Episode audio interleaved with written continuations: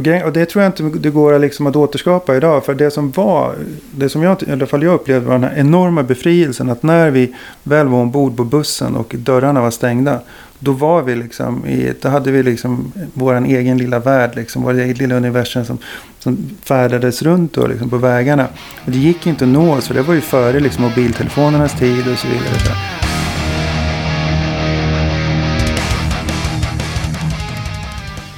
Ja men hallå och eh, välkommen till Rockpodden. Det här är en podcast som varje vecka träffar nya intressanta människor ur svenskt musikliv. Och eh, är du ny lyssnare av Rockpodden så får jag väl säga extra stort välkommen. Och om du kanske till och med är en ny poddlyssnare som för första gången har lyckats med det här tekniska undret, ja då säger jag extremt mycket välkommen. Den här veckan träffar vi en herre som under många, många år har väckt min nyfikenhet. Han har ju stått på Sveriges allra största scener om och om igen, men inte riktigt kanske klivit fram i rampljuset. Men jag tror att de flesta av er både har hört och sett honom spela.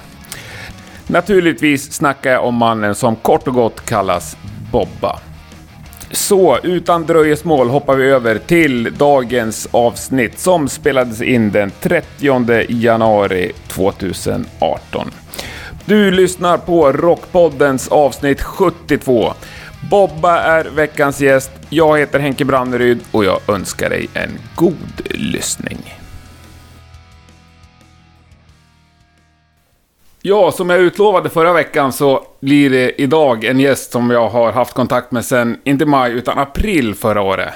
Men äntligen sitter jag hemma hos Bobba. Hallå, välkommen hit. Fantastiskt kul att få komma hit, tack. Ja, det tog lite längre tid att få till det här än vad vi kanske hade föreställt oss. Ja, det har ju varit riktigt nära ett par gånger. Ja, ja. Och sen så ringde du mig i morse och då kände jag bara shit. Men då ville du bara skjuta på det en halvtimme. exakt. Ja. Och nu sitter vi här. Hur är läget med dig då? Jo tack, det är ganska bra. Jag är lite jetlaggad fortfarande men jag har... eh, Men nu känns det som att det är någorlunda balans i alla fall. Mm. Det, Du hade varit i Staterna. mm, ja, jag var i Los Angeles i fem veckor och eh, över jul och nyår och sådär.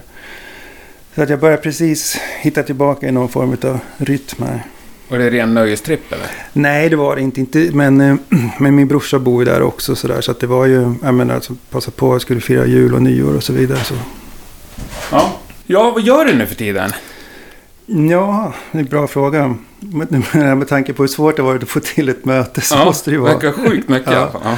Ja, nej men det var det, alltså, jag försöker ju göra saker i perioder, liksom att avsätta tid för att kunna bli klar. Alltså, det blir ganska rörigt när man har allt för mycket i luften samtidigt. Så. Men eh, jag har faktiskt nu, senaste tiden har jag hållit på ganska mycket med att eh, skriva låtar och eh, jag har jobbat med lite olika folk under perioder också sådär. Och eh, inte med några egentligen, alltså inte med, med några sådär klara ambitioner höll jag på att säga. Men alltså just att, eh, ja, inte till, knutna till några specifika projekt. Utan det har varit lite olika saker. Så, så bland annat jag och Anders Härnestam då, trummisen i Weeping Willows, Mm. har på och skrivit låtar fram och tillbaka under, under en längre tid. Och sen Mattias Berge då som tidigare i Soundtrack of Our Lives. Mm. Som, vi skrev ju lite för Hellacopters också eh, på den tiden.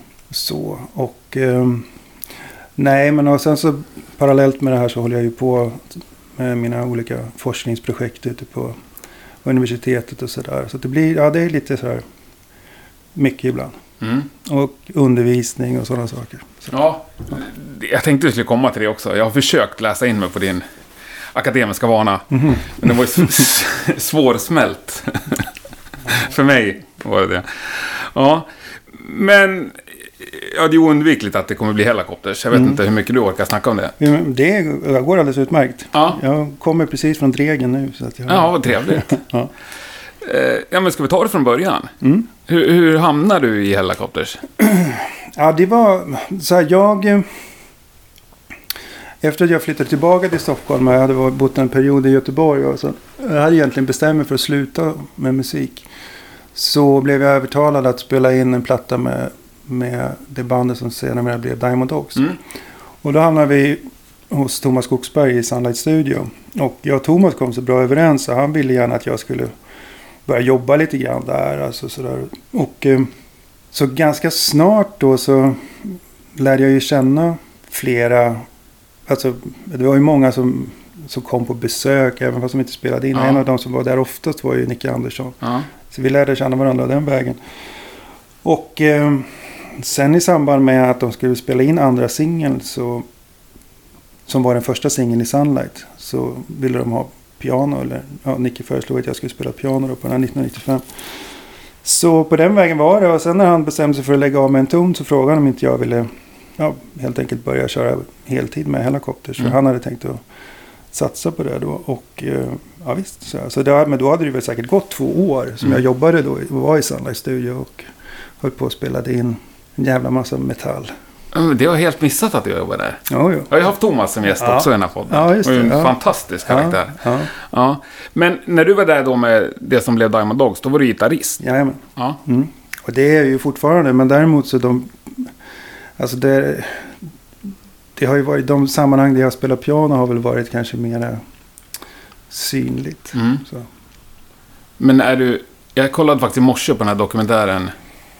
Heter den Good Morning Cleveland. Ja, just det. Där säger ju Nicke att du är mycket bättre gitarrist än pianist. Mm. Ja, Även om du är en grym pianist. mm. ja, nej men visst. Nej men det är ju mitt liksom, första instrument. Och så, där, så, att, så visst. Men då, från att vara en studioräv då. Så Mm. blev du nästan heltidsturnerande musiker Ja, direkt. Ja, precis. Och det var ju också därifrån som... Jag hade ju också gjort en hel del eh, sådär sessiongrejer. Så jag, spel, jag hade bland annat då, innan det här då, så hade jag ju spelat gitarr bland annat på Rednecks eh, platta och Är så vidare. sant? Ja, ja, ja. Jo, ja, nej, men så att det var, jag gjorde en massa sådana där grejer då. Att jag bodde ute i Liljeholmen då där de här Future Crew Productions höll till. Så att det var liksom alltid så lätt för dem att bara be mig spela gitarr eller Aha. så på någonting. Så det var där, därför, och jag kallades ju Bob redan på den tiden. Men det var på grund av eh, Bob Marley och det är en lång historia. Men i samband med det så började ju Dregen tror jag som började kalla mig för prisjägaren. Och det var därför det blev Boba Fett då. Så Aha, det okej. är liksom bakgrunden till hela den. Och prisjägaren för att du åkte runt och spelade gitarr på pophits. Precis, för pengarna. Har, har du fler sådana där lik i garderoben än Rednecks? Nej, inte kanske i samma, samma dignitet. Men, eh, nej, men det var ju flera sådana grejer. Jag hoppade ju in på en jäkla massa där under en ganska kort period. Mm. Men sen från att jag började jobba i Sunlight så var det väldigt lite. Då var det ju, då var det ju, då var det så pass mycket inspelning och hålla på att bygga studio. Mm. Då var ju Fred Estby var ju där samtidigt Mm. också. Så, där, så att då, I perioder så satt jag han och spelade in i, i ena halvan av studion och så byggde jag och Thomas i andra halvan Mm. och så vidare. Så, så det var ju... Och det var ju liksom när Sunlight var på topp. När Mm. det kom dödsmetallband från Mm. hela världen. Ja, ja absolut. Ja. absolut. Var du inne på det också då eller? Nej men ganska snart så blev jag, alltså Thomas och jag hade ju extremt mycket sådär gemensamt vad det gäller musiksmak och så vidare då. Så att eh, han var ju liksom den perfekta vägledaren på Mm. något vis då. Sådär. Så att jag liksom började ju förstå det utifrån hans perspektiv. Mm. Så att, eh, Men han var ju mycket så här Beatles har jag för mig Ja, snacka om. väldigt, det var väldigt bara mycket. Beatles Ja, egentligen. ja. Ja. men eh, jag också varje kväll när vi släckte ner och sådär och höll på att städa undan så satt han ju ofta på Beatles eller ja. Det kunde ju vara Yes och sådana Mm. grejer också då. Men, men visst. Ja, det kanske räcker med dödsmetall efter en hel inspelningsdag. Hur var de åren där i början med Hellacopters? För det gick ju relativt snabbt väl? Alltså ni körde ju oerhört mycket i början. Mm. Absolut. Nej men det vart ju, det vart ju en väldigt brant kurva där. För att när väl Nicke bestämde sig också sådär att köra på heltid så. Det trillade ju in. Alltså vi gjorde ju. Det var ju den sommaren också som vi sen gjorde Kiss och alla Mm. liksom. Så att eh, det blev ju väldigt. Ja det gick ju väldigt fort liksom. För att, för att bli så pass, ska vi säga, uppmärksammade och så Mm. vidare då. Så att, eh, och sen rullade det ju på efter det. Mm. att, eh, Men sådär med liksom turnéliv och sånt, var det någonting du hade provat på innan? Ja, en del då, med, med Diamond Dogs och så vidare, absolut. Mm. Men, eh, men det här blev ju på ett helt annat sätt. Också. Mm. Ja, för ni körde en 200 Mm. spelningar om Det året. blev väldigt mycket. Det. Ja. Hur gillade du det? det var ju väldigt kul och det var ju det var ju otroligt roligt på många sätt och vis de första åren och så vidare. Och sen... eh, Så det som hela tiden också gjorde att det var värt det var ju att bandet hela tiden utvecklades. Alltså det finns ju en... Det är ju ganska stor skillnad mellan skivorna också. Det är Mm. ganska mycket som händer hela tiden. Och, eh, så det kändes alltid kul att komma ut och spela med materialet. Mm. Men sen däremot när vi la av så var jag ju väldigt glad för det också. Men det var ju en... Då hade vi ju, då hade vi ju verkligen liksom kört så pass intensivt att det, det, liksom, det, var, den, det var det helt naturliga steget var Mm. liksom att bara kliva åt sidan. Och ni bestämde ju det ganska långt innan va? Ja, det, för det, alltså, utav flera skäl så där. Det, dels så kändes det som att vi ville ha någon form av värdig avslutning på Mm. det hela. Och sen hade vi ju på många sätt... Alltså det som kanske kändes lite sådär skevt var ju att den sista plattan blev den här coverplattan. Mm. Och att vi hade väl liksom ytterligare en skiva i oss. Men, men, det hade, men på något vis var vi också tvungna att ta ett beslut där. Hur mycket vi skulle göra. Eftersom Mm. vi faktiskt hade bestämt att. Även om vi inte var helt överens om att vi skulle lägga av. Så var det ju ändå liksom bestämt att det skulle Mm. bli så.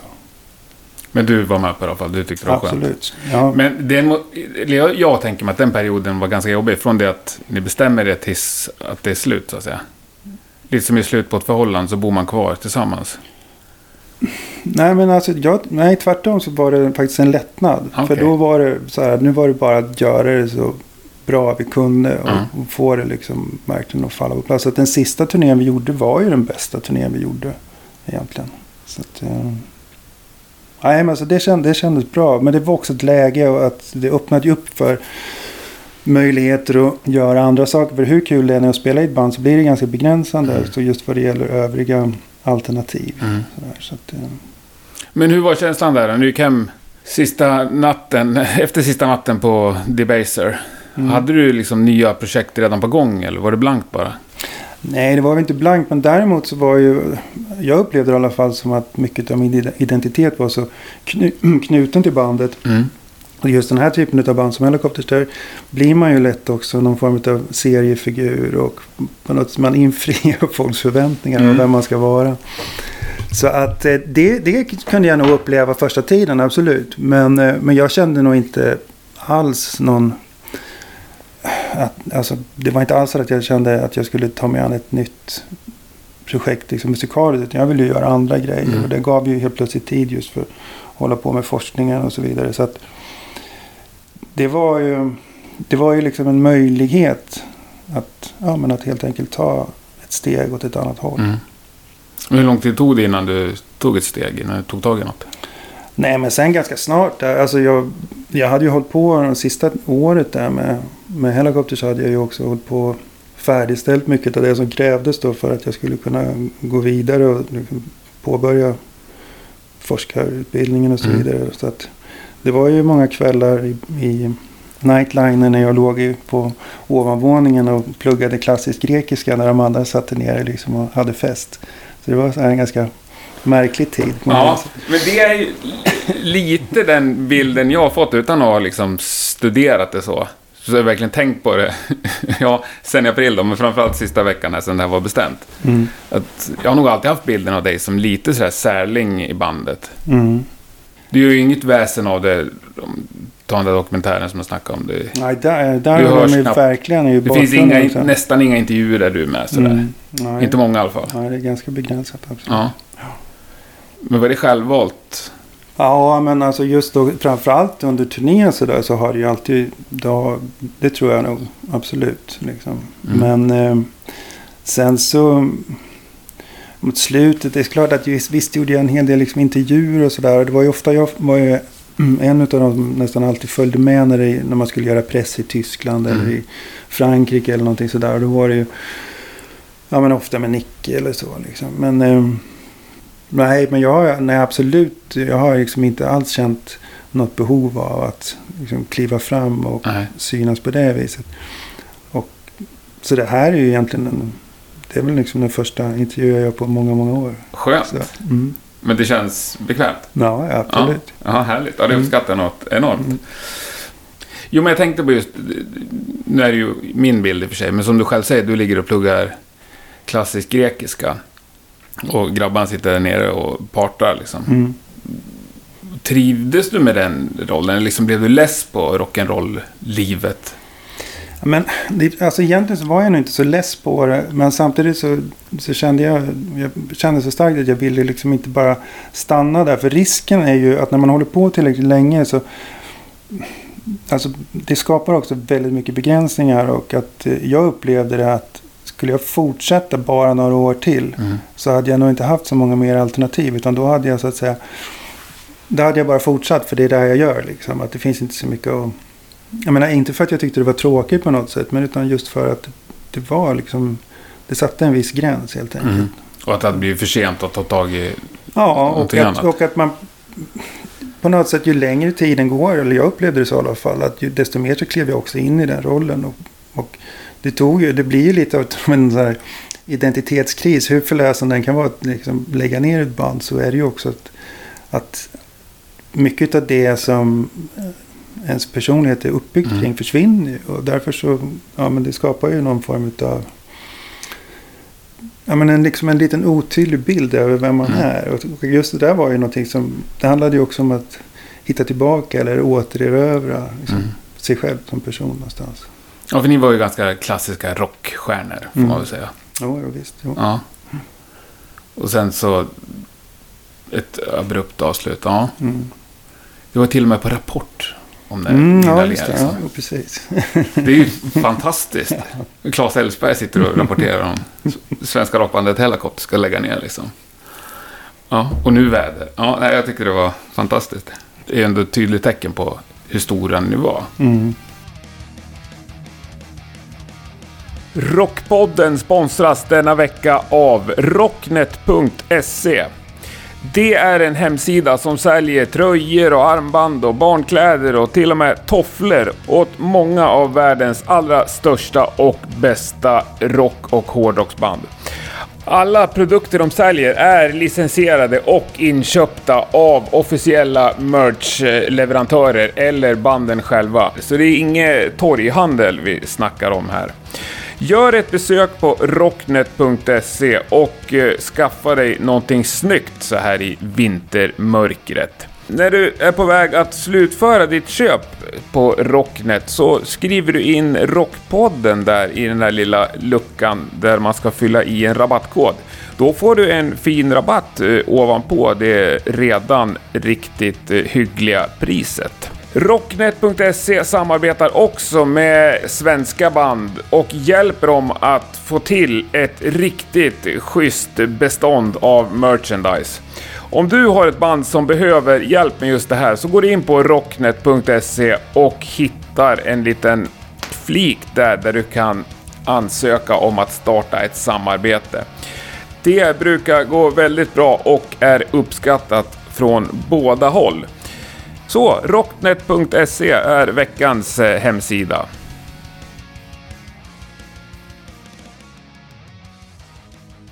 Ska vi flika in lite där då på din, det du ändå tog tag i? Dina, din forskning. Jag försökte läsa igenom din avhandling där Mm. i filosofi. Mm. Det var svårt för mig som inte har några högskolepoäng. Ja, nej men alltså det var ju... Grejen var ju den att jag hade ju börjat att plugga väldigt tidigt. Alltså jag bestämde mig redan när jag var 18-19 år att jag skulle lägga av med musik. För, jag kände, för då hade jag flyttat upp till Stockholm och jag kände liksom att det funkade inte. Alltså hela den här mentaliteten också som var knuten mycket till Fryshuset och liksom den typen av band. Mm. Och det här som kom då. eh, Att det kände, jag kände inte att jag passade in där överhuvudtaget. Så det var därför jag flyttade till Göteborg och började plugga. Och då läste jag filosofi där ett par år. Ja, sen, sen efter det så blev det ju den här turen med Diamond Dogs och så vidare. Och, så där. och sen 2004, nu var det ändå hållit på med Hellacopters på heltid. Alltså då bestämde vi oss för att vi måste liksom ta ett break. Alltså vi tog ett år Mm. där vi bara liksom gjorde vad vi kände för. Och där, det var väl där någonstans som jag också bestämde mig för att jag måste ta vara på det här året för annars kommer det liksom bara passera. Så, att, eh, så då återupptog jag studierna här i Stockholm då, ute på universitetet. Så att efter det, sen de, de där åren som var kvar då, så hade jag ju hela tiden kontakt med universitetet. Så att jag skrev då en magister då, den där du nämnde dels i filosofi och sen en i litteraturvetenskap. Och sen kom jag in då på forskarutbildningen i litteraturvetenskap strax efter det. Och då blev det ju sex år utav, eh, alltså som jag var, min anställning då, den löpte ju då över sex år då. Och det jag undervisade ganska mycket också just i litteraturvetenskap och framförallt med inriktning då på den äldre litteraturen. Samtidigt det som höll mig kvar då vid musiken var ju att eh, jag började ju turnera med Lasse Winnerbäck.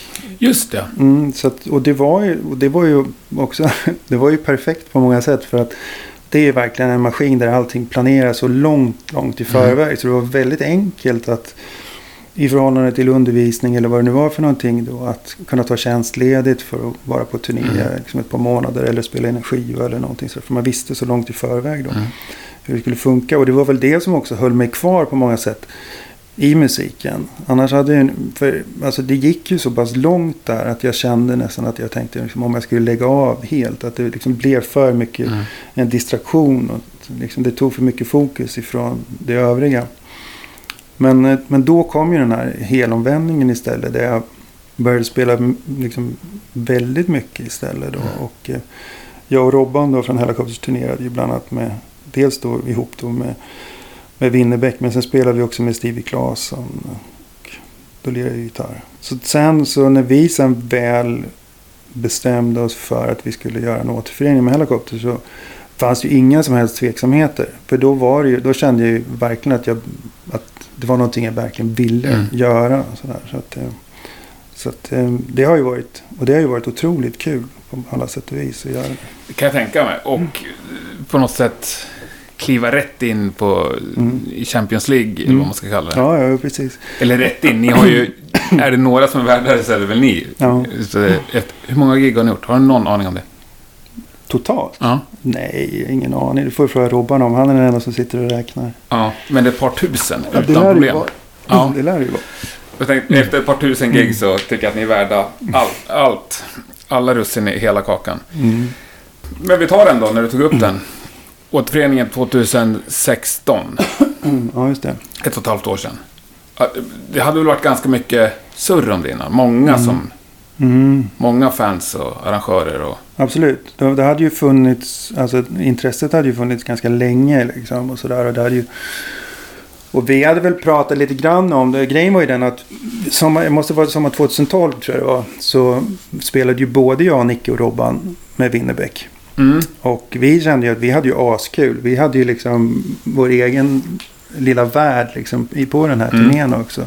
Där vi kände att ja, men fan, vi kom ju jävligt bra överens. Och vi tyckte ju att det var kul. Så att det var väl efter det som vi tre egentligen då började prata om en, liksom, möjligheten. Mm. Liksom, se vad som...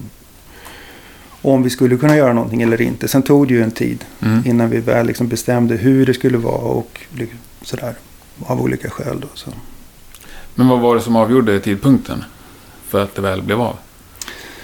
Nej, men för att eh, alltså Sweden Rock hade ju, hade ju varit på Nicky ganska länge om att de mm. ville ha en, eh, en konsert. En återförening då. Och i och med att det också då helt plötsligt, helt plötsligt så blev det ju liksom 20 år sedan eh, mm. första plattan. Och då kändes det som en självklar grej att ja, men vi, gör, vi gör en konsert och det får bli liksom Super City. Mm. Och så blir det som ett 20-årsjubileum. Och vi hade väl egentligen inte någon plan att göra mer än den konserten. Men i samband med det så gick ju Bobby Gillespie och slog sig så att han inte kunde spela veckan efter nere i Just Spanien. med Primus Green. Ja, precis. Ja. Så då hoppade vi in och gjorde det gigget och sådär. Och sen och redan där någonstans så hade vi ju börjat prata om möjligheten att göra fler spelningar. Mm. Ja, och nu har ni... Hur många har ni bokat i år? Det är inte så många än så länge. Nej. Så vi får väl är det två som är officiella bara? Är det inte fyra? Jag kanske är dålig på att läsa på. Gröna Lund och Furuvik vet jag. två nöjesparker. Ja, ja, men precis. Och sen Hellfest i Frankrike är väl ja, också officiell. Ja. Och sen är det väl... Eh, ja, men, jo, men sen är väl Norge väl också... Jag vet inte. Buktafestivalen. Ja, det tror jag. Ja. ja, men sen är det några till och sådär. Och sen om vi, ja, så vi har pratat om det senast idag. Så har det kommit in lite olika förfrågningar. Mm. Så att vi försöker pussla och se mm. hur vi får ihop det. Mm. Men det blir ett gäng till alltså? Ja, ja absolut. Ja. Det blir det. Är det roligare nu? Är det på ett annat sätt? För det är lite mer som någon superlyxhobby, eller? Ja, men det som vi bestämde var ju så här att i och med att det har gått en del år nu och alla Mm. har, har liksom ganska mycket olika saker som, ja, men som vi alla håller på med. Mm. Så kunde vi inte bara liksom, dra ett streck över allting och bara köra. Utan vi sa att vi får försöka hitta tiden vi kan, vi kan avgränsa för att ägna det liksom, fullt ut åt helikopter. Så sen får man försöka peta in övriga saker Mm. där kring. Liksom. Så att, eh, jag menar, alltså, alla har ju väldigt mycket liksom, som vi gör och sådär. Det innebär att vi måste ha ganska lång framförhållning där vi bestämmer oss för att okej, men den här perioden, nu kan vi liksom Mm. boka och så vidare. Så, så att eh, det är klart att, jag menar, ja, men vi, på sätt och vis, visst, vi, vi är ju liksom i en, i en position där vi kan bestämma när vi spelar och så vidare. Men det betyder ju inte att vi bara ska liksom åka omkring och göra festivaler. Men det är ju det som har varit Mm. det som har funkat nu. Sen Mm. får vi se liksom på sikt vad det här kan, vad det kan innebära. Det är ju inte så att vi kommer att åka omkring som ett... Jag menar att vi liksom blir tröttare och tröttare år efter år och bara fortsätter. Liksom. Vi måste ju såklart liksom gå vidare också Mm. som ett band. Så, där. så att, eh, vi får se liksom vad som händer. Hur länge kan ni köra på utan att släppa någonting nytt då? Ja, alltså det är svårt att säga men just att den här nostalgitrippen som liksom också, jag menar som är med publiken Ja, en del i. Alltså Absolut. det, där, finns, där finns ju, alltså det kanske inte är nödvändigtvis nyskrivet material som, som krävs för det. Men däremot så, så krävs det ju att vi Alltså att vi tar ytterligare ett steg för att kunna också motivera att vi gör det här för oss själva och så vidare. Mm. Så där. An- Annars så skulle det ju väldigt lätt bli att, alltså, att vi alla blir liksom som en sorts karikatyr på oss själva. och så där. Vi har ju också ett arv att värna om. liksom, Mm. Och det var därför vi, det var så viktigt för oss att det verkligen skulle bli bra när vi började om. För att det fick liksom inte vara på bekostnad av det som vi faktiskt har gjort redan. Nej, så ni inte sabbar det. Det går snabbt att riva det. Ja men exakt. Ja. Så att, men det är kul för att de, eh, många av de som kom på konserterna förr då, de har ju fått barn nu så de har ju med sig liksom Mm. tonåringar och andra på konserterna. Så det är ju rätt kul, det kommer en ny generation. ja, det är underbart. Men jag tyckte det var ett dåligt svar på hur länge ni kan hålla på utan att släppa nytt. Nej men, ehm, alltså vi skulle ju... Alltså, ja, ja, vi, jo men alltså vi skulle kunna, vi skulle säkert kunna köra liksom den här sommaren och ytterligare en sommar alltså utan att släppa någonting Mm. nytt. Bara, alltså om du bara ser till möjligheten att fortsätta spela. Men jag tror inte att det är någonting som vi skulle känna oss helt bekväma med. För att Nej. det är ju, någon, det är ju så också att eh, som band, om man, om man inte har den här kreativa processen, att om man liksom, just vad det gäller allting från låtskrivare till att gå in i studio och liksom, och, liksom göra färdigt en produkt. Alltså det blir liksom, det, det är någonting som hela tiden saknas. Mm. Och det blir lite ihåligt efterhand sådär. Men än så länge så har vi gjort, gör vi så mycket andra saker parallellt. Så att därför så känns det nästan befriande att komma ut och spela med helikopter. Mm. För att det verkligen funkar och det liksom är en eh, det är liksom bra stämning i bandet Mm. och så vidare. Så det, Härligt. mm. Men, men ni, jag antar att ni liksom snackar om det här? Är det klart? Ja. Ja, ja. Man kan inte, Men vad vill du veta? Jag vill veta vad ni snackar om. Hur går snacket? Nej, men alltså, nej, men alltså det är klart att vi pratar liksom om möjligheterna och så vidare. Men vi, har liksom inte, vi är inte i, i det läget riktigt än. Nej. Också på grund av att vi alla håller på med så mycket saker. Mm. Så allting nu tar ju så otroligt mycket längre tid. Än vad det gjorde på den tiden som vi höll på med det här på heltid. Mm. Så att eh, vi får ta det som det kommer. Men, eh, men samtidigt, alltså det vore ju... Det vore väl konstigt om vi inte gjorde någonting med tanke på de här... Det finns ju ändå ganska mycket liksom så här kreativa krafter i rörelse Mm. i bandet. Så att det är klart att det liksom... Med tiden. Ja, och Så- ingen av er känns ju trötta på något sätt. Nej, Upplever jag i alla fall. nej, nej. Nej. nej. Utan nej, men tvärtom så det har ju varit väldigt mycket, tror jag, en, en nytändning för oss alla Mm. också. Så här, för att vi har ju ett... Jag menar, vi är ju väldigt engagerade i det här. Vi tycker ju att det är kul. Mm. Och det tar ju jäkligt mycket tid också att, ehm, att hålla på med det här fast vi liksom inte spelar. Utan att vi, alltså just för vad det gäller att planera och försöka liksom få in, få saker och ting att Mm. funka och så vidare. Ja, Ja, det kan jag tänka mig. Vilket jidder med allas kalendrar. Mm. Ja, ja, det, Och det är vitt skilda grejer också. mm. absolut. Det är många som sliter och drar liksom i, i oss av olika skäl. Mm. Liksom, sådär. Förut var det ju väldigt enkelt. Det är ju bara att säga, men det är ju det här vi gör. Liksom. Mm. Nu, det, är så här, det är så här det ser ut. Men Mm. nu är det ju inte så längre. Och det skapar liksom... Det skapar en helt annan situation att arbeta utifrån. Mm. Så att det, Jo, men du sa att, eh, att det var viktigt att det var jävligt bra, sa du Mm. inte. Sa bra, kanske. Mm. När ni väl drog igång det igen. Mm. Och det är ju samma sak att om vi skulle göra någonting. Om vi skulle, om vi skulle gå in i studio och göra någonting så skulle vi ju liksom inte göra det. Eh, om vi, alltså vi, skulle, vi skulle ju liksom inte nöja oss med någonting. Det vore halvdant. Utan Nej. det skulle ju, alltså vi har ju extremt höga krav Mm. på oss själva. Liksom. Mm. Och de upplever ju, det är ju bara inifrån. Liksom. Det är ju Mm. ingenting, det är ju inte den press vi känner utifrån. Utan det är ju krav som vi ställer på oss själva. Men det tror jag att vi utanför ändå... Jag har alltid tänkt på Hellacopter som ett band med en extrem integritet. Mm. Jo men så är det ju absolut. Ja. Bandet som har sagt nej till allt i alla år. ja, berätta lite. Jag tycker det är så kul. Nej, men alltså det är ju sådär. Det finns ju alltid en mängd människor som, som ska liksom tala om för en hur saker och ting funkar Mm. och hur det ligger till. Och jag menar att ni ska göra på det här sättet och så vidare. Och jag menar den här klassiska grejen var väl just när vi kom till USA första gången, 99. Så vill ju alla majorbolag träffa oss. Och alla hade ju liksom de här miljondollarkontrakten Mm. liksom som de skulle då på olika sätt eh, övertyga oss om att skriva på och så vidare.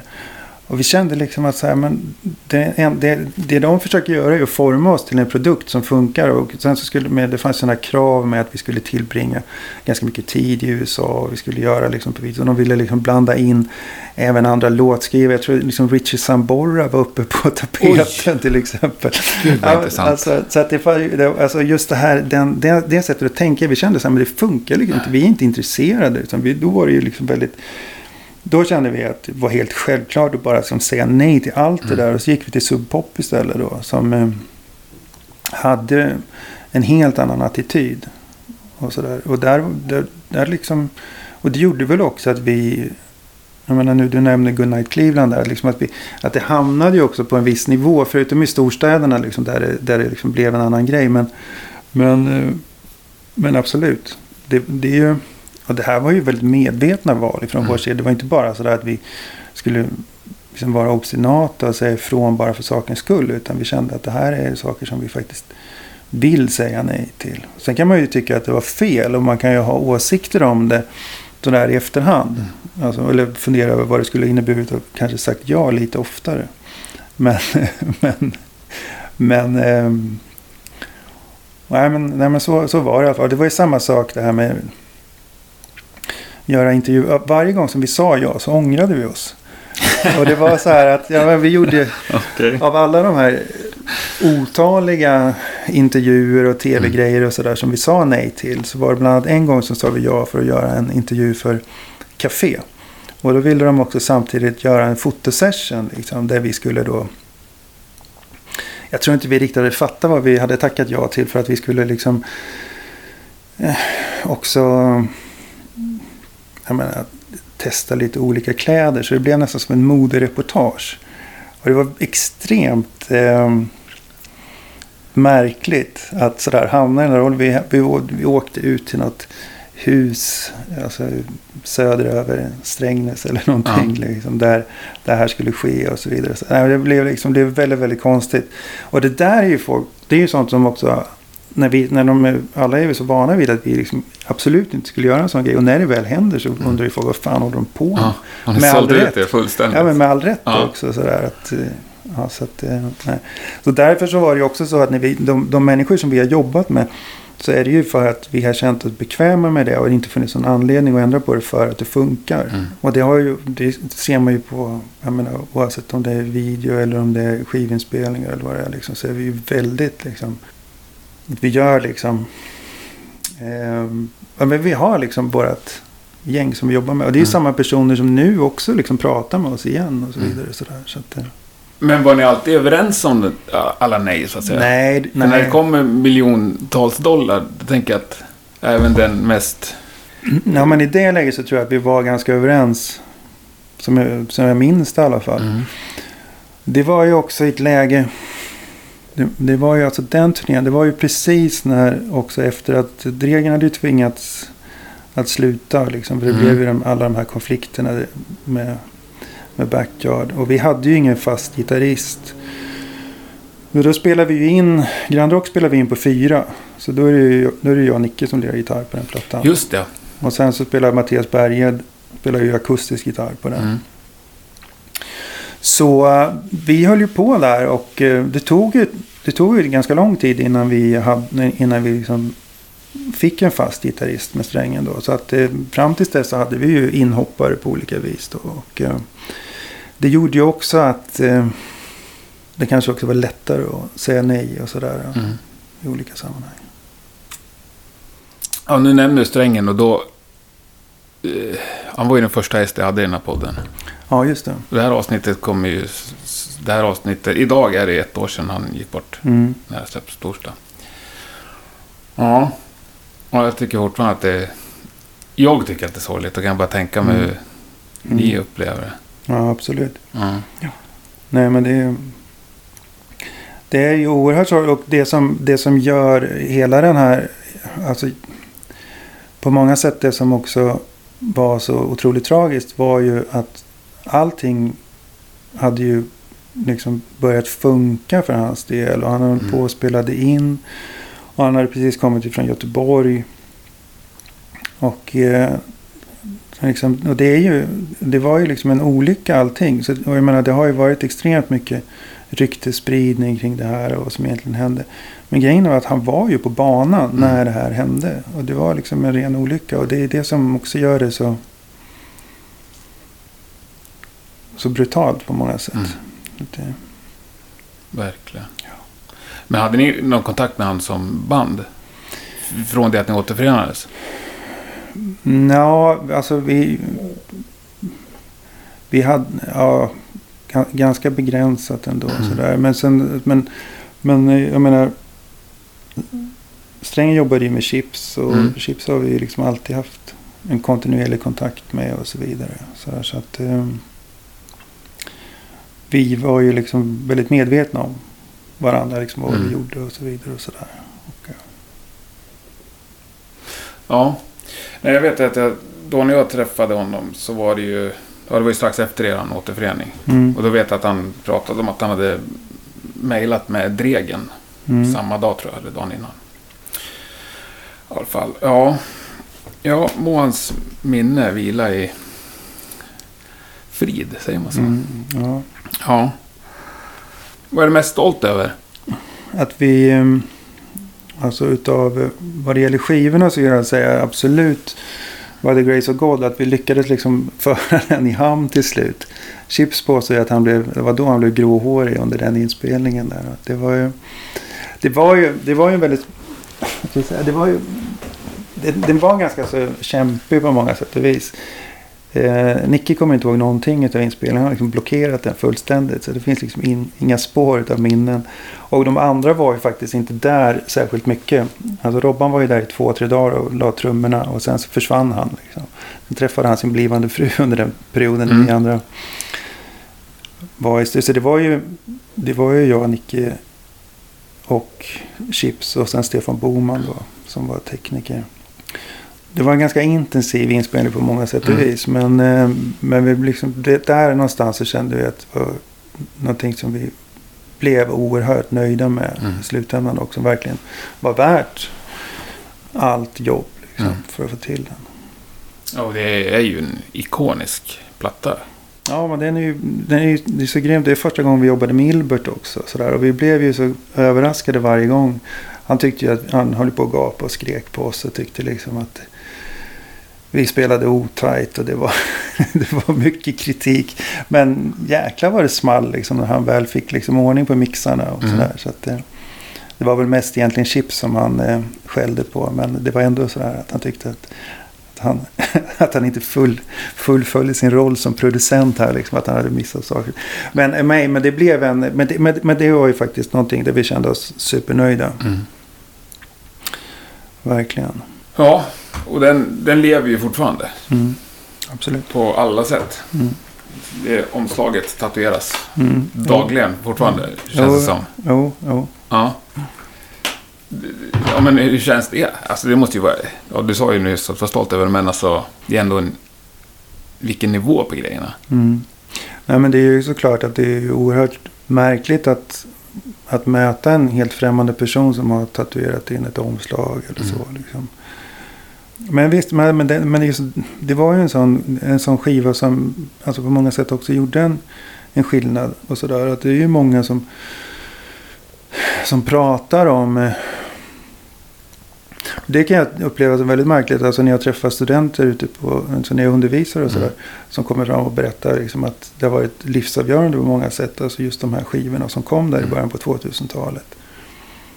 Och det kan ju liksom kännas svårt att ta in såklart. Men, men det är ju som du säger, det är uppenbarligen Mm. så det är. Liksom. Men du, nu snackar om det här med producenter och skivinspelningar. Mm. Har du någonsin varit missnöjd med en mix? Ja, absolut. Alltså, Och nu tänker jag bara på din egen del, att det är för lite klaviatur. nej, alltså nej. Jag skulle vilja säga så här att ofta, alltså nej men nej inte så. Alltså, jag, jag är ju liksom inte, som du kanske förstår, alltså, det känns inte, alltså för mig känns det liksom inte viktigt att, att jag som person ska liksom höras Nej. över någonting annat eller sådär. Utan allting ska ju liksom funka i helheten på Mm. något vis. Och alla har ju sin roll att spela i det. Men däremot så kan jag ju tycka att det finns mixar som jag är missnöjd med. Alltså som jag tycker att vi skulle kunna ha gjort, gjort det annorlunda. Eller liksom och så vidare. Och det är ju därför som, jag menar ända sedan vi släppte Grand Rock har vi ju liksom pratat om att vi måste ju, någon dag måste vi ju mixa om den. För att det är ändå en skiva som på något sätt försvann. Alltså det är ju jättemånga som, som den har, alltså den har ju liksom lite grann så här en obskyr plats. Men det är väldigt många som lyfter fram den och så vidare. Och så. Men det är lätt att den försvinner också på grund Mm. av att den har en ganska så extrem ljudbild. På ett sätt som skiljer sig från exempelvis Painted Hus eller Super City och så vidare. Mm. Och så där. Men samtidigt så är det ju naturliga steget till high visibility. Men det, liksom, det finns någonting i den plattan som inte riktigt har kommit fram än. Och det har vi pratat om i alla år. Att det är liksom lite synd att det Mm. blev så. Men i övrigt så är vi, är vi nog alla, eller jag, i alla fall om jag pratar, talar för mig själv så ska jag säga att det finns nog inga, i övrigt inga album som jag skulle vilja mixa annorlunda. Nej, Ja, det är väl skönt om de känner så. Mm. Jag kan ju tycka att det ibland är väl eh, lågt. Alltså, Piano? klav, ja. Ja, men jo, men alltså det, det är klart att det skulle kunna, man kunna ha petat upp det på vissa ställen, absolut. Jo. Men som det var... sen kanske det sitter ihop också med Jag vet att första gången jag såg er live när du var med. Mm. Så var min uppfattning att du inte hördes överhuvudtaget liksom. Hur länge sedan var det då? När kan det ha varit då? Var det två- 2000-tal eller var det tidigare? Nej, det måste vara tidigare. Mm. Åh gud. Jag har sett det ett gäng gånger. Eh, kan det ha varit på den här kalasturnén kanske? När var det? 99? Mm, ja, det var 99 va? Just det, det var första året med strängen. Ah, jag, jag blir osäker. Jag är dålig Mm. på årtal och Mm. sånt där. Nej, men det är väl ja, men det är mycket möjligt att det har varit så. Liksom. Men det, det kan ju också varit från kväll till kväll. Men Mm. jag tror nog... Eh, alltså det som... Alltså väldigt tidigt, det som var väldigt klart och tydligt uttalat var ju att det här skulle vara ett gitarrband. Så Mm. ingenting fick vara på bekostnad av gitarrerna. Liksom. Nej, nej. Och då för att liksom, petar man upp gitarrerna tillräckligt mycket så måste man också plocka ner någonting Ja. annat och så vidare. För om du lyssnar, det är ju inte särskilt stark bas heller på skivorna om du lyssnar. Nej.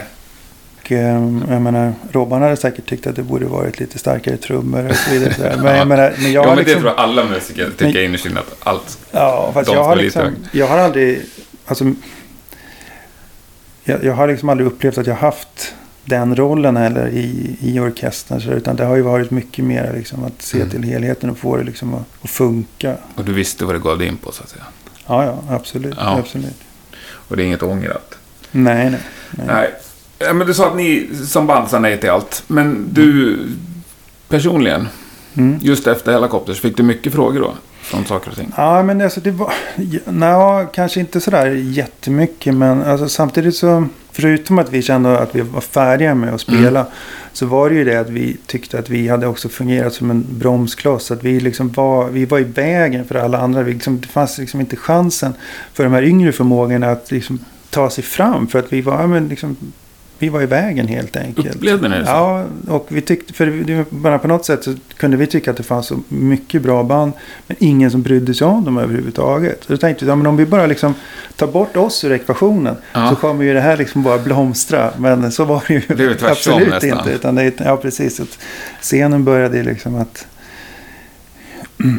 självdöda på något vis. Ja. Men det, det, var ju väldigt tråkigt. För det var ju faktiskt någonting som vi kände väldigt starkt för. Och vi hade ju ofta liksom, jag menar, vi tog ju med band på turnéer som vi gillade. Mm. Liksom. Mm. Och det var ju därför som vi ville liksom ha med dem. Och eh, jag menar som jag menar som till exempel, jag menar nu, de mer namnkunniga band, jag menar som Hives till exempel. Mm. Så de, när vi liksom, när vi planerade turnén, när vi påbörjade den turnén så var ju de relativt okända får man mm. säga. Men under den turnén så hände det någonting. Alltså det blev så här. Jag ska inte säga att det var vi som breakade dem, men det var under den turnén som det faktiskt var när vi kom till England. Efter vi gjorde väl, jag tror att det var Skandinavien först och sen gjorde vi väl Europa. Och det måste vara så att vi avslutade i England. Och där hade vi nog i princip lika gärna kunnat byta plats. Mm. Alltså så, och det var en dramatisk skillnad från att den turnén började till att vi avslutade. Mm. Och eh, det fanns ju inte en kväll som jag inte såg då. Men det var ju fantastiskt att ha ett sånt band. Och som man verkligen också såg hur det verkligen hände mm. någonting. Att det var någonting som... Mm, jag menar att, det, det, att bara få uppleva det och vara delaktig ja. eller liksom se det här. Ja, jag såg er i Gävle då. Mm. Och det var ju... Jag, inte få ta bort det, men jag kommer bara ihåg Hives från mm. den kvällen. Ja. ja. Men det var ju, det var ju fantastiskt. Och varje kväll, så, alltså det fanns ju, de brann ju verkligen. Det fanns ju en mm. enorm hunger hos dem. Och det, och det var ju också helt rätt eh, sammanhang för dem mm. att göra det de gjorde. Och eh, Pelle var ju liksom helt briljant. Han överträffade sig ju själv från kväll till kväll med, med sina mellansnack och så vidare. För det är ju någonting sådär att när du turnerar med ett band när du börjar känna igen saker, att om, om det, oavsett om det nu är rörelsemönster på scenen eller om det är mellansnack mm. eller någonting sådär. Alltså, då tar du ju liksom lite udden av det. För då har du, liksom, du har någon sorts förväntningshorisont. Alltså, nu kommer ja. det här och det här hända och så vidare. Och därför räcker det ofta med att man kanske ser ett band en eller två gånger. Mm. Men med Hives var det ju tvärtom. Det var ju så här att man bara, man bara stod på tårna och undrade vad är det som kommer hända ikväll. Mm. Liksom. Och det är ju någonting som är helt unikt. Ja. Det är ju fantastiskt. Det där köper jag Verkligen. Mm. Jag hade, såg en spelning i somras som jag tyckte var så satans bra. Så såg jag samma band i höstas. Mm. Så liksom exakt samma. Mm. Samma skämt liksom. Ja, precis. Och det där är ju någonting som tar väldigt mycket ja. udden utav... Då, och då, då falnar ju även mitt intryck av första mm. spelningen. Liksom. Mm. Ja, ja, precis. Ja. precis. Jo, men när du svarar lite på annat. Eller mm. fråga egentligen vad du personligen har tackat nej till. Efter... Ja, just det. Det var där, det var där vi började. Ja, ja nej, men, menar, du... nej, men sen, ja, men just att det var sådär att det, det fanns ju... Jag tror liksom att... Alltså för, jag var nog inte egentligen sådär direkt eh, intresserad av att, eh, att fortsätta. Som jag sa, jag var inte intresserad av att spela. Liksom. Framförallt inte på den nivån. Utan då hade ju, då hade ju jag och Robban redan börjat spela då med Stevie Claesson. Så vi hade ju... Så vi lirade ju lite grann. Och vi drog iväg på någon som Spanien-turné liksom och sådär. Så att, och det var ju bara liksom, det var ju kul. Och, och så vidare. Så men, men då hade jag ju, då hade jag ju liksom tagit det här beslutet att jag skulle göra någonting annat. Mm. Och så blev det ju också. Så att det var ju först efter att, ja men då, alltså Lasse ringde ju upp mig för han ville sätta ihop ett rockband för Peace and Love. Och då um, skulle han göra tre kvällar där. Han skulle göra en akustisk kväll. Sen skulle han göra en kväll med sitt stora band då, och sen så skulle han ha en kväll då med ett rockband. Så då träffades vi och så började vi diskutera liksom vilka som skulle kunna ingå i det. Och då blev det ju jag, Robban och sen var det ju Mattias och Ian ifrån Soundtrack of a Lifestyle som spelade gitarr. Mm. Och sen eh, Jerker Odelholm på bas. Grym basist, ja fantastisk. Ja, ja. Och sen efter det så körde vi ju på. Han tyckte ju att det var så pass kul då, så att då blev det ju att att, vi, att vi körde liksom, det blev ju ganska många turnéer och det blev en, mm. en platta och så vidare. Och så där. Men som gick då från att vara då det här uttalade liksom rockbandet som sen också då började liksom glida över mer och mer och bli liksom någon form av det här tidigare stora bandet Mm. så att säga. Då. Och det är där han är nu igen då. Mm. Liksom. Men hoppade du av det så att säga? Ja, jag, tror att, jag tror att Lasse också var jävligt färdig med hela den här. eh, Att han ville nog liksom gå vidare. Att, Mm. Just vad det gällde. Att rockbandet hade på något sätt liksom tjänat sin roll på något vis där. Mm. Och det var ju också i precis samma veva som vi bestämde oss för att vi skulle spela med Helicopters. Och det var ju det hade ju inte varit liksom någon svår matematik att det inte skulle gå att få ihop det. Men, men för Robbans del, han har ju fortsatt. Han körde ju ytterligare någon turné liksom. Mm. Och så vidare. Och sådär. Men Robban gör ju, alltså Robban är ju mer utav en eh, heltidsmusiker. Mm. Han är ju involverad i en mängd olika projekt nu. Så- Ja, jag såg han förra veckan va? Förra, förra tror jag. Mm. Och sen, ja, jag såg han, nu såg jag han, jag har inte sett han sedan november, men då var det, lirade han ju med, med Strindberg. Så det var ju helt otroligt där. bra. Ja, jag alltså. missade det. På nalen där. Ja, Ja. sjukt bra. Alltså. Ja. Men han är ju grym trummis. Så det är, ju- jag är otroligt tacksam liksom, att kunna spela med en. Alltså, I flera olika konstellationer. Då, att kunna ha, ha liksom haft Robban att luta mig mot. Oavsett om jag spelar piano eller gitarr. Och sådär. Så det, Som du ändå beskriver lite så tonade du ner musiken och valde en mer civil karriär så att säga.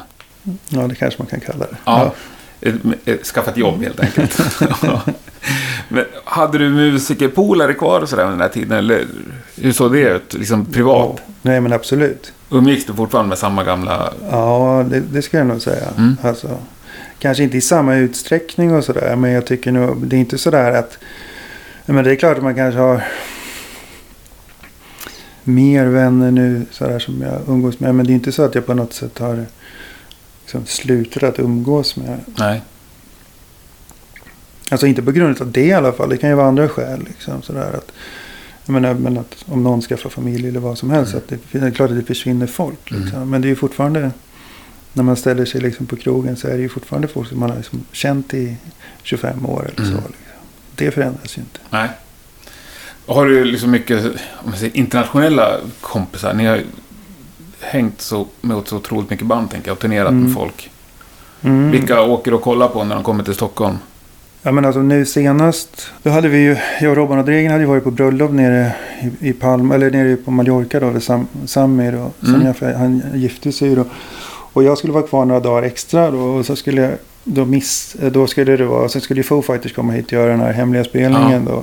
Och eh, då kände jag, ja men vad fan, går det liksom så måste jag ju såklart liksom försöka få till det. Så att Mm. jag åkte ju som raka spåret ifrån flygplatsen till konserten i princip där. Så att det, bara för att det vore kul också, inte bara, bara, inte bara att se men att träffa dem. Det var Mm. så pass länge sedan. Och det är ju också, Dave Grohl var ju en, en, en utav de här, det fanns ju flera liksom, men, men han var ju verkligen en som pratade otroligt mycket Mm. om Helicopters i olika sammanhang. Och när vi gjo- gjorde Big Day Out tillsammans i Australien då skulle MTV intervjua honom och försökte prata om Foo Fighters. Det var helt omöjligt. Han pratade ju bara nonstop om var så, att eh, så på den, det är klart att det finns liksom på den nivån. Eller som när, när Gene Simmons säger så här att ja men det är enda band som jag verkligen hade förväntat mig skulle liksom breaka stort från Sverige. Som inte har gjort det är ju liksom Helicopters och så vidare.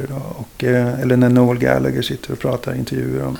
Ja, och så vidare. Så, så de, men det är ju inte folk som jag umgås med sådär. Men, men däremot så finns det ju såklart en jäkla massa människor i olika städer. Oavsett om det är i Spanien eller om det är i USA eller var man nu befinner sig. Som jag känner tack vare alla Mm. de här turnéerna som jag har gjort. Och som jag fortfarande har kontakt med och så vidare. Så att, eh, absolut. Mm. Nej, det är stort. Men ja, med breaka stort där. Håller du med om att ni inte breakade stort? Nej, men kanske inte på den nivån som... eh, nej, inte på, inte på, inte på Gene Inte på Simmons. Kiss-nivå, nej. Nej. Nej, men alltså... Men samtidigt så... Men det var inte så att vi...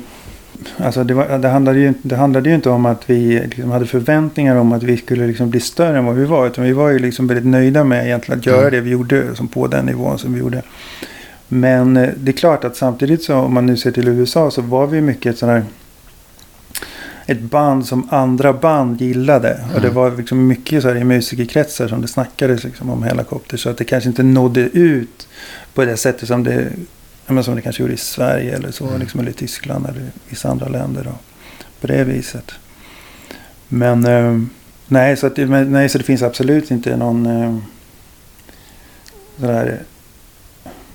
Det är inte så att vi, att vi går omkring och tycker att det borde ha blivit större eller någonting sånt där. Det är inte det. Nej. Då kanske man inte kan säga nej till allt. Då måste man nog börja säga ja. Ja. ja. Men det är också det. Det är ju det att de som säger ja blir ju också styrda. Det är ju Mm. så. Alltså det finns ju så. Det finns ju liksom inte någon, eh, någon mellanväg egentligen. Utan ju, ju mer du säger ja, ju mer är det andra personer som kommer att Mm. påverka Mm. vad du gör och hur du gör det. Ja, och det där är väl en ständig balansgång. Mm. Och jag, jag kanske är töntig, men jag tycker att det är viktigt liksom, när jag Studerar ett band, så att säga. Mm. Att jag tycker att det är på en rimlig nivå. Mm. Visst. Det får inte bli för mycket larv. Nej. Nej, inte för mycket Mm. annat. Nej, men om vi tar det då. Det är lite av min favoritfråga. Du sa att ni alltid försökte ta med band på som förband och sådär för att Mm. lyfta Mm. andra. Och ni ville släppa fram andra band. Mm. Mm. Finns det sådana band fortfarande som du ser, eller nya band till och med, Som... ehm, som du skulle vilja lyfta upp? Ja, det, det gör det ju så här. Alltså nu, nu, när, alltså nu har jag ju inte tänkt riktigt i de banorna eftersom det inte har varit aktuellt. Nej. med att vi inte gjort någon turné eller någonting sånt där. Eh, på det sättet. Så att jag har liksom inte... Är du ute och kollar på några band? Ja, ja absolut. Eh, inte kanske sådär oerhört regelbundet. Men eh, nej, alltså det som... Bara för att jag är lite nyfiken. Jag har liksom inte hört dem än. Eh, men nu här i februari så kommer ju... Jag tror att det är ett band som du gillar. Eh, Hawkins kommer hit i februari. Herregud vad bra det är. Och det, är någonting som jag har, liksom, har tänkt att jag ska försöka gå och kolla på. Liksom, så jag blir nyfiken på Ja. det och så vidare. Jag missade faktiskt dem i samband Jag var i Eskilstuna. Jag och Chips var där och spelade. Jag spelade det både... Chips sjöng bara då. Det var också fantastiskt. Här. Men då, men då nej, och sen spelade lite skivor och sådär. Och då spelade Håkan senare på kvällen. Men jag missade det. Så det är någonting som jag ändå har tänkt och som jag har funderat på. Det är liksom det första som jag kommer på just nu. Ja, men det tycker jag ska göra. Mm. Nej, jag, jag kan göra reklam för mig själv i min egen podd. Det får man göra va? Mm, Jag har en spellista på Spotify Mm. som heter Rockpodden under 10 000. Där jag försöker lägga in. Det var Ja. det jag vill ha lite tips till. Ja, ja, ja, okej. Men du ska faktiskt få då, det kan du få här under intervjun. En... Här var ett ruggigt bra band jag gick och kollade på. Så fick jag tre plattor av dem. Om du träffar lite skönt folk kan du väl ge Mhm. En 10-tummar också. Middle Mantra. Ruggigt bra. Som kommer från... Eh, Skåne någonstans tror jag. Okej. Ja, nej, men spännande. Jag har de pratar aldrig... skånska. Ja, det är Ja. coolt. Ja, men fint. Tack, Ja. tack. Så. Nej men, det, ja. Det är Henke Jonsson som har mastrat den. Samma kille som vi använder. Ja, du ser. Ja. Borgar för kvalitet. Eh, nej, då, det kanske är tråkigt att gå tillbaka till det. Men du nämnde ändå flera gånger att redan när du var 18-19 så hade du tankar om att lägga ner musiken. Liksom. Mm. Och sen så tyckte jag du återkom till det flera Mm. gånger. Mm. Du sa att du kände det som att du inte riktigt passade in. Mm. Ja, absolut. Men jag hittade ju liksom mitt sammanhang. Alltså dels redan på Sunlight så kände jag ju att det var liksom en plats där jag trivdes. Mm. Och att det var ju den typen av... Alltså hela den här omsättningen av folk som det också var i. Som det kommer nya band hela tiden Mm. och så vidare. Och så där, det, var ju, det var ju oerhört stimulerande på många sätt och vis. Och, eh, för det var ju inte så att vi bara spelade in metall heller. Utan det var ju ganska så liksom varierat ändå. Men, eh, men jag kanske inte hade trivts så bra med det heller om jag hade fortsatt Nej. en längre tid. Utan ofta så... Ja, jag vet inte. Men eh, det känns ju så... Eller jag kan i alla fall uppleva det så att efter, efter ett visst antal år så vill jag gärna liksom få någon sorts liksom avbrott och liksom kunna gå åt ett Mm. annat håll och göra någonting annat och så vidare. Och eh, egentligen den enda gången som jag sådär definitivt kanske då kände att jag, att jag inte tyckte att det var ett... Jag menar just där redan som 18-19-åring då hade jag ju spelat under hela min uppväxt. Alltså jag men det var ju, så från att jag var 11 år sådär så spelade jag i ett punkband som heter Skandal som eh, Håkan Persson och Jonas Almqvist upptäckte då när de skulle göra en ny våg. Sådär. Så de kom liksom och spelade in och gjorde en ny våg på väg och så vidare. Mm. Men det här är ju jäkligt roligt för de kommer ju fortfarande ihåg det här och så vidare. Och då var man ju, ja men det var som en liten snorunge så här som lirade punk. Och eh, som sen fortsatte då liksom med, olika typer av konstellationer liksom hela vägen genom gymnasiet. Men det var bara det liksom, att jag kände när jag väl kom till Stockholm så, så var det liksom inte... Det kändes inte rätt. Det, liksom, och det var ju, då hade ju säkert att göra med att jag inte hade träffat de människorna mm. som jag skulle kunna funka med. Sen eh, efter de här ett, ett, par år då i Göteborg, liksom, när jag kom tillbaka så var det ju rätt. Och då var det ju inga tveksamheter. Då var det ju liksom verkligen det jag ville göra. Mm. Och eh, sen var det ju, som sagt, det var ju det var ju ett par år sedan där när jag kände så här, vet jag, som jag nämnde det, det kanske Alltså det, jag, liksom förlorar lite grann av det här drivet och liksom själva, det som motiverade mig, själva anledningen till att jag höll på och spelade. Och då kände jag ju att, att jag nog var ganska färdig liksom och skulle liksom lägga av helt mer eller mindre. Men då fick jag någon sorts konstig nytändning och det var att jag renoverade en av mina gamla Gibson Firebirds. En, eh, som, som hade liksom blivit liggande i många år. Liksom. Och sen sådär när jag liksom började få ordning på den där och det blev ett sådant fantastiskt instrument mm. igen. Så, så, så liksom drev det mig bara vidare liksom, ja. och spela. Och då började, började jag spela mer än någonsin istället. Och sen så nu så samlar jag ju liksom på Firebirds. Ja. Underbar liksom, anledning också att få ja, ny energi. Ja, och jag kan känna igen mig där. Det, ja, det, det är ju jäkligt märkligt. Liksom. Mm. Så från liksom 0 till 100 verkligen. Sådär, mm. När det liksom tog fart på nytt. Och där när jag väl bestämde mig och att jag skulle börja spela igen. Alltså just när det gäller gitarr och sådär. Då, då fanns det... Då, jag, menar, jag började ju lira med, med Stevie Claesson där direkt igen. Mm. Och liksom med Robban och så vidare. Så, där. så det var ju... Så på så sätt så, så är jag ju jävligt tacksam för det. För det hade ju varit, det hade ju varit väldigt svårt att hitta tillbaka till Helicopters efter så här många år. Mm. Om det inte hade varit för att det hade gjort saker under tiden liksom, emellan. Mm. Liksom. Och det var ju sådär som den här nervositeten som, som infann sig hos vissa i, i, i, i orkestern när vi skulle liksom lira på Sweden Rock eller sådär. Det var ju, så här, det var ju liksom helt oproblematiskt. Jag hade gjort så här hur många sådana konserter som helst med, med Winnerbäck. Så mm. det var ju bara så här, kliva på. Men samtidigt så är det ju en helt annan anspänning givetvis att lira med Hellacopter. Det är ju så ja. mycket mer som står på spel i någon mening liksom, för en själv också. Så att det, det blir ju det blir jäkligt starkt liksom, på mm. många sätt och vis. Och det, menar, även nu om man lirar förband som nu vill göra förband till, till Stones. Mm. Också sådär att det blir extremt massivt att kliva upp på en sån här scen. Och speciellt i en, i en arena. Så, som Friends där man nästan känner liksom att publiken liksom hänger över en. Nästan. Så det är väldigt... Eh, ja, det är en enorm tyngd också. Ja, det måste vara grymt coolt. Ja. Högst roligt kommer jag aldrig få uppleva det. Men eh, om vi ska runda av lite. Mm. Om du tänker alla turnéåren. Mm. Vad är det du saknar mest av det livet? Okay, och det tror jag inte det går liksom att återskapa idag. För det som var, det som jag, i alla fall jag upplevde var den här enorma befrielsen. Att när vi väl var ombord på bussen och dörrarna var stängda. Då var vi liksom i, då hade vi liksom vår egen lilla värld, liksom, vår egen lilla universum som, som färdades runt då, liksom, på vägarna. Och det gick inte att nå oss, för det var ju före liksom, mobiltelefonernas tid och så vidare. Så att vi var verkligen isolerade, men på ett extremt positivt sätt. Sen så försvann ju allt det där. Alltså det där började ju luckras upp mer och mer. Sen blev, kunde folk nå en hur som helst och liksom de här gränserna började suddas ut. Men just den här känslan av att när bussdörren stängdes och man åkte. Det var, det var liksom en helt fantastisk känsla. Häftigt. Ja. Vad saknar du minst då? Vad är det gladaste över att slippa? Ja, alltså dels... Ja, men jag, jag, tror att alltså det där att, att det också kunde finnas ett vakuum. Att många dagar när vi var på turné att vi liksom vi såg bara spelställen som påminner om varandra oavsett vilket land vi var i. Mm. Liksom, för att man vände på dygnet och så vidare. Och, så där. och sen så kunde det vara så här att, att det spelar ingen roll om vi var i Köln eller Madrid. Liksom, alltså, man orkade liksom inte gå ut och göra någonting överhuvudtaget. Så. Det där ändrades sen med tiden. Men, men under många år så var det ju som att det var lite av en tunnel också på det sättet. att, att eh, Vakna upp, liksom, gå in eh, äta frukost.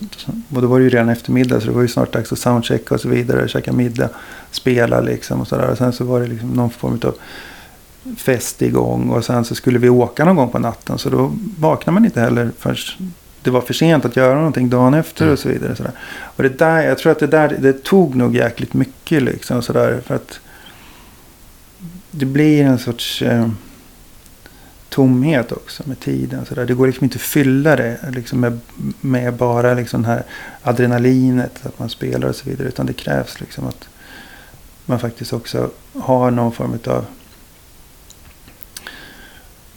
att även dagarna liksom fungerar på något vis. och sådär. Så att, eh, men eh, men eh, ja, samtidigt så är det ju, alltså det mesta när man pratar om det man inte saknar, så är det, så, alltså det mesta är ju sådär lyxproblem bara. Alltså, saker som, som finns där men som faktiskt går att göra någonting mm. åt om det är så att man väljer att göra det. Men vad tänker du på då? Ja men det är väl liksom helt uppenbart att man inte måste vara uppe hela natten så att man sover hela dagen. Utan att man kan ju faktiskt hitta någon sorts balans där. Ja. man kommer upp och faktiskt gör någonting och så vidare. Jo, ja, det är klart det kan vara ett lyxproblem. Men jag tycker mer att det är spännande att få liksom en inblick i hur det faktiskt ser ut. Eller hur faktiskt du upplevde det. Mm. Men sen tror jag väldigt mycket av det här som jag då upplevde som ett problem. Och, och varför jag också tyckte det var så skönt att vi slutade när vi gjorde det. Är också att det på något sätt så har det nog tappat en hel del färg så där över åren. Det känns inte så starkt längre. Och nu så är det ju positivt på ett helt annat sätt. Nu när vi spelar och så vidare. Så, här, så att, eh, det kanske också krävdes någon form av avbrott eller distans också för att hitta tillbaka till det. Och känna den här, det här just det här. Jag menar både drivet och den här liksom glädjen över att kunna göra någonting sånt här. Så att, eh, och det tror jag inte hade infunnit sig om det inte hade varit för att vi hade också tagit det här avbrottet i alltihopa. Så får vi se vad det leder till. Jag har ingen mm. aning. Och det, men det är ju fortfarande helt öppet. Och... Spännande ska det bli. Mm. Och det brukar ju synas när ni gör någonting. När ni hittar på någonting. Det ger eko i Musiksverige. Grymt tacksam att jag fick komma hit. Tack ska du ha. Stjäla ett par timmar av dig. Mycket trevligt att träffa dig. Detsamma. Tack ska du ha. Stort tack. Eller har du något mer du vill tillägga? Nej, jag vet inte. Jag är liksom inte... Jag har liksom inte förberett någonting som jag nej. tycker att jag borde få med eller sådär. Nej, nej. Ja, då tänker jag stopp nu. Tack.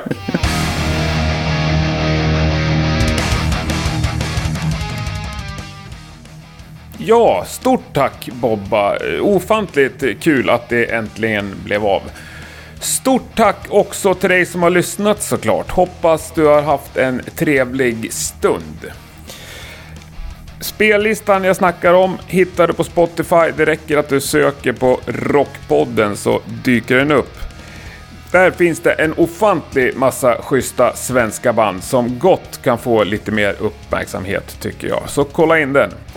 Följ också gärna Rockpodden på Facebook eller Instagram eller båda två. Det är olika innehåll på dessa olika ställen så att det kan vara värt att köra både och.